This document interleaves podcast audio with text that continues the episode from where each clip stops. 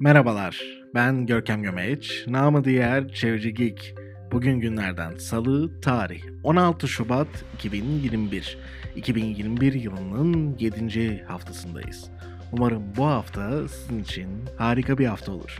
Şimdi gelin beraber bu haftanın öne çıkan sürdürülebilir kalkınma ve çevre dostu yaşama dokunan haberlerine bir göz atalım.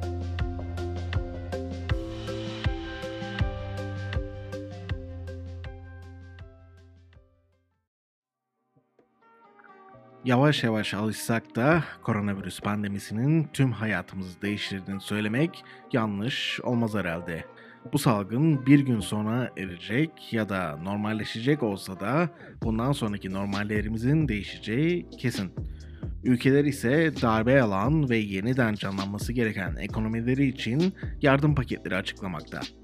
Burada ise en ihtiyaç duyulan yerlere yönelik yatırımların yapılması söz konusu.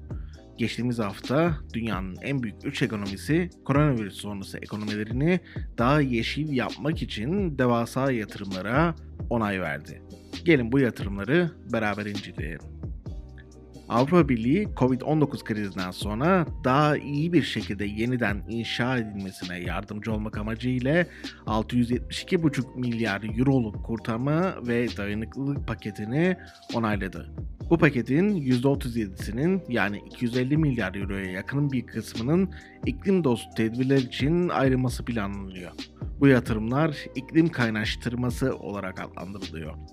Bu kaynaştırma çabaları iklim değişikliğine uyum ve sürdürülebilir bir kalkınmanın yatırımlarını içermekte.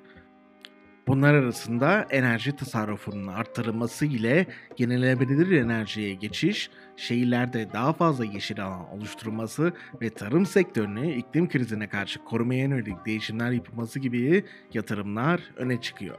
Burada maalesef Avrupa Yeşil Partisi'nin fosil yakıtları paketten çıkarma önerisi tam anlamıyla kabul edilmiş değil. Kömüre yatırım paketten çıksa da ülkeler doğalgaza önemli zarar vermeme kriterleri içerisinde yatırım yapabiliyor. Bununla beraber yenilenebilir enerji yatırımlarının ve batarya teknolojilerinin bu süreçte hem doğalgazdan çok daha ucuz hale gelmesi hem de daha efektif bir şekilde kullanılacağı da belirtiliyor. Enerji konusunda pandemi sonrasında kendini tamamen yenilemek isteyen ülkelerden bir diğeri ise Amerika Birleşik Devletleri. Ülke Joe Biden'ın başkan seçilmesinden sonra daha çevre dostu yatırımları ve yasalara yönelmiş durumda. Geçtiğimiz hafta ise Enerji Bakanlığı uygun fiyatlı ve oyun bozan temiz enerji yatırımlarını desteklemek amacıyla 100 milyon dolarlık ilk paketini başvurulara açtı. Bakanlık bu paketin milyar dolarlık paketlerden ilki olacağını söylüyor. Projeler hükümetin 2 milyar dolarlık bir bütçeye sahip 2050'ye kadar sıfır karbon hedefi bulunan planlarını desteklemek amacıyla seçilecek. Uzun dönemli hedefi ise iklim bilimine değer veren, sağlıklı, sürdürülebilir işler ortaya çıkaran yeni bir enerji sektörünün desteklenmesi olarak belirtilmiş. Biden bu yatırımları ile beraber 2021 yılında elektrik üretiminin %84'ünün temiz enerjilerden yani özellikle güneş ile rüzgar santralleri ve batarya teknolojilerinden geleceğini açıkladı. Amerika Birleşik Devletleri özellikle bu yatırımlarda Çin ile rekabet edecek seviyeye gelmeyi planlıyor. Zira Çin'in Ulusal Enerji İdaresi geçtiğimiz hafta elektriğinin %40'ını 2030 yılına kadar nükleer ve yenilenebilir enerji kaynaklarından üretmeyi hedeflediğini açıkladı. Bu yatırımları desteklemek içinse Çin 1,5 milyar dolarlık bir yatırım fonu ayırdığını duyurdu. Bu fonların 5 milyar dolar seviyesinde bir yatırımı destekleyeceği düşünülüyor. Planların özellikle rüzgar ve güneş santrallerinin yatırımı çoğaltması ve kömürlü termik santrallerinin azaltılması konusunda ciddi bir yol çizeceği belirtiliyor. 2020 yılında Çin rüzgar ve güneş enerjisine dev bir yatırım yapmış, elektrik üretiminde yeni bir enerji payını yaklaşık %10 civarında artırarak %30 seviyelerine getirmişti. Gördüğümüz üzere dünyanın 3 büyük ekonomisi geçtiğimiz hafta pandemi sonrası dünyanın geleceğini yenilenebilir enerji ve iklim dostu altyapılarda gördüğünü açıkladı. Maalesef Türkiye'de ise biz bu ay güneş ve rüzgar enerjisine verilen desteğin yaklaşık %60 civarında azaldığını ve elektrikli araçların %400 zam geldiğini duyduk. Buna ek olarak Türkiye dışarıda %90'lar seviyesinde bağlı olduğumuz ve elimizde çok da fazla ulusal kaynak olmayan doğal gaz ve petrol üretimini artırdığını açıkladı. Bu üç devasa ekonominin yatırımlarını küresel anlamda yeni bir enerjinin ve iklim yatırımlarının çevresini değişecek seviyede tutması, umarız hükümetimizin de bu gelecek trenine geç olmadan katılmasına sebep olur. Çünkü bu gidişte pandemi sonrası Türkiye aynı felaketlere karşı güçsüz ve küresel anlamda rekabet edemeyecek bir ülke olma riskine sahip. Haftanın öne çıkan haberlerinden sonra gelin diğer gelişmelere de kısa kısa bir bakalım. Yapılan yeni bir araştırma fosil yakıtların dünya genelinde yılda yaklaşık 9 milyar kişinin hayatına mal olduğunu gösteriyor. Harvard, Leicester, Birmingham ve Londra Koleji Üniversiteleri tarafından yapılan ortak çalışma, fosil yakıtların yakılmasından oluşan hava kirliliği ile kalp rahatsızlıkları ve solunum yolu rahatsızlıkları arasında direkt bağlantılar bulmuş. Bu bağlantıları Doğu Asya'da 14 yaşından büyük bireylerde her 3 ölümden birinin hava kirliliği kaynaklı olduğunu gösteriyor. Avrupa ülkeleri, Amerika Birleşik Devletleri ve Türkiye'de bu oran yaklaşık her 10 ölümden biri olarak belirtilmiş. Geçtiğimiz haftada Sağlık ve Çevre Birliği yani HEAL raporu, kömür santralinin yarattığı kirliliğin her yıl Türkiye'nin sağlık harcamalarının %27'sinden sorumlu olduğunu ortaya çıkarmıştı.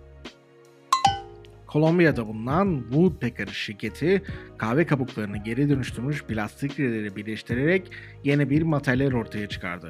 Şirket bu materyali özellikle hafif ve güçlü olması nedeniyle ucuz ve prefabrik evlerin yapımında kullanılıyor.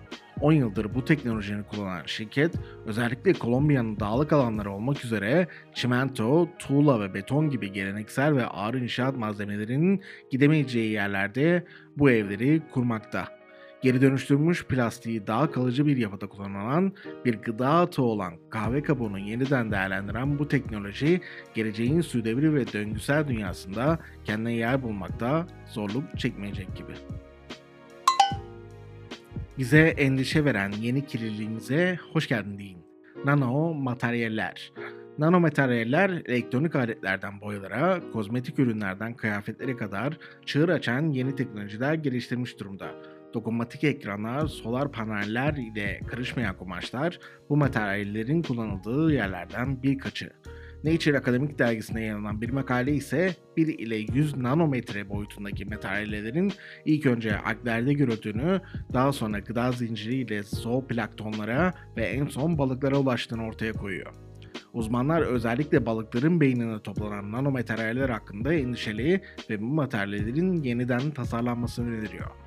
Ama bu materyalleri kontrol etmesi oldukça zor olduğundan şu an nasıl bir yasal düzenleme getireceği konusu oldukça karmaşık.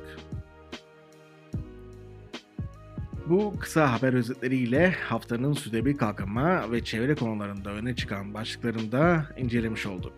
Bu ve benzeri gelişmeleri daha yakından takip etmek ve çözüm önerilerini öğrenmek için beni yani Çevreci Geek'i de takip etmeyi unutmayın. Çevreci Geek ile bu hafta podcastına ek olarak Aposto için hazırladığım e-posta bülteninde sürebi kalkınma ile bir konuyu derinlemesine bakıp basit bir şekilde özetliyorum. Derin bakış altında yapacağımız bu incelemelerde bu hafta doğal gazın karbonsuz bir gelecekte yerini ele alacağız. Aposto ile beraber düzenlediğimiz çevreci geek bültenine ulaşmak için apostonews.com adresini ziyaret edebilir ya da sosyal medya kanallarımda bulunan linkleri tıklayabilirsiniz. Kendinize ve çevrenize çok iyi bakın. Sevgiler.